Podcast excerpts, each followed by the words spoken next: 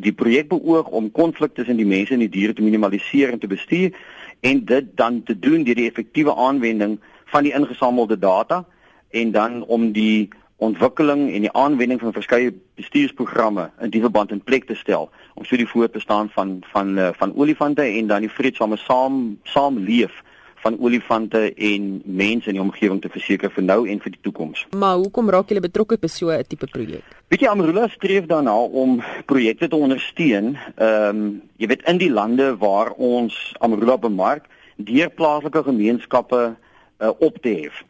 Ehm um, en uit die aard van die saak is Amarula eh, 'n uh, internasionale handelsmerk waar die bakermat in in uh, in Afrika is. Ehm um, en dit is vir ons baie belangrik, jy weet om die toekoms en die voortbestaan van hierdie majesteuse diere, jy weet vir die toekoms vir ons te verseker vir ons nageslag. En in Botswana dra die olifant geweldig by tot die ekonomiese groei uh, in die toerismebedryf. En daarom is dit vir ons belangrik om ook geld terug te ploeg in die lande waar uh, waar ons opereer. Gaan dit net Botswana baat? Weet jy, ek dink nie so nie. Um, op die stadium van die projek in Botswana plaas, ehm um, die olifante hulle hulle hulle trek oor geweldige groot afstande.